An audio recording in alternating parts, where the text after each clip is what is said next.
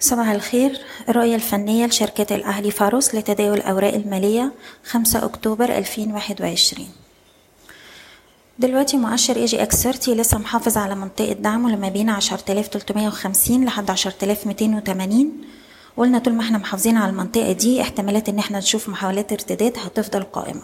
امبارح كان في محاولة من مؤشر الارتداد وقفل عند 10427 لكن أحجام التداول لسه منخفضة.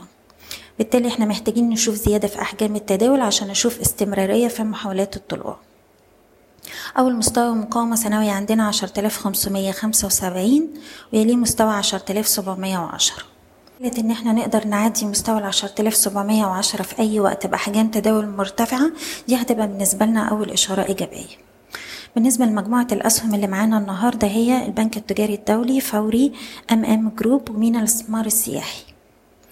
نبدأ بسهم التجاري الدولي ولسه محافظ على مستوى دعمه الواحد وأربعين جنيه وطول ما إحنا محافظين عليه في مجال نشوف ارتداد لمستويات الأربعة وأربعين ونص خمسة وأربعين جنيه.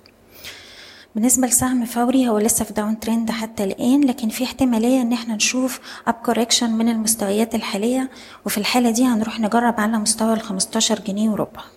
والكلام ده طول ما إحنا محافظين على أقرب دعم عندنا اللي هو 13 جنيه وأربعين قرش. سهم MM Group اختبر دعم رئيسي عند الستة جنيه وعشرين قرش وبدأ يرد بأحجام تداول مرتفعة. بالتالي في مجال إن إحنا نشوف ارتداد لغاية مستوى السبعة عشرة سبعة جنيه وتلاتين قرش. أخيرا سهم مينا هو عنده دعم عند الجنيه خمسة وتلاتين. دي منطقة جيدة للتجميع.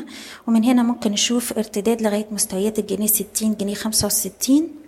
وعندنا دعم رئيسي عند الجنيه تمانية وعشرين قرش. ودي الأسهم كانت معانا وبالتوفيق للجميع إن شاء الله. إيضاح الشركة غير مسؤولة عن أي قرارات استثمارية يتم اتخاذها بناء على هذا التسجيل. شكراً.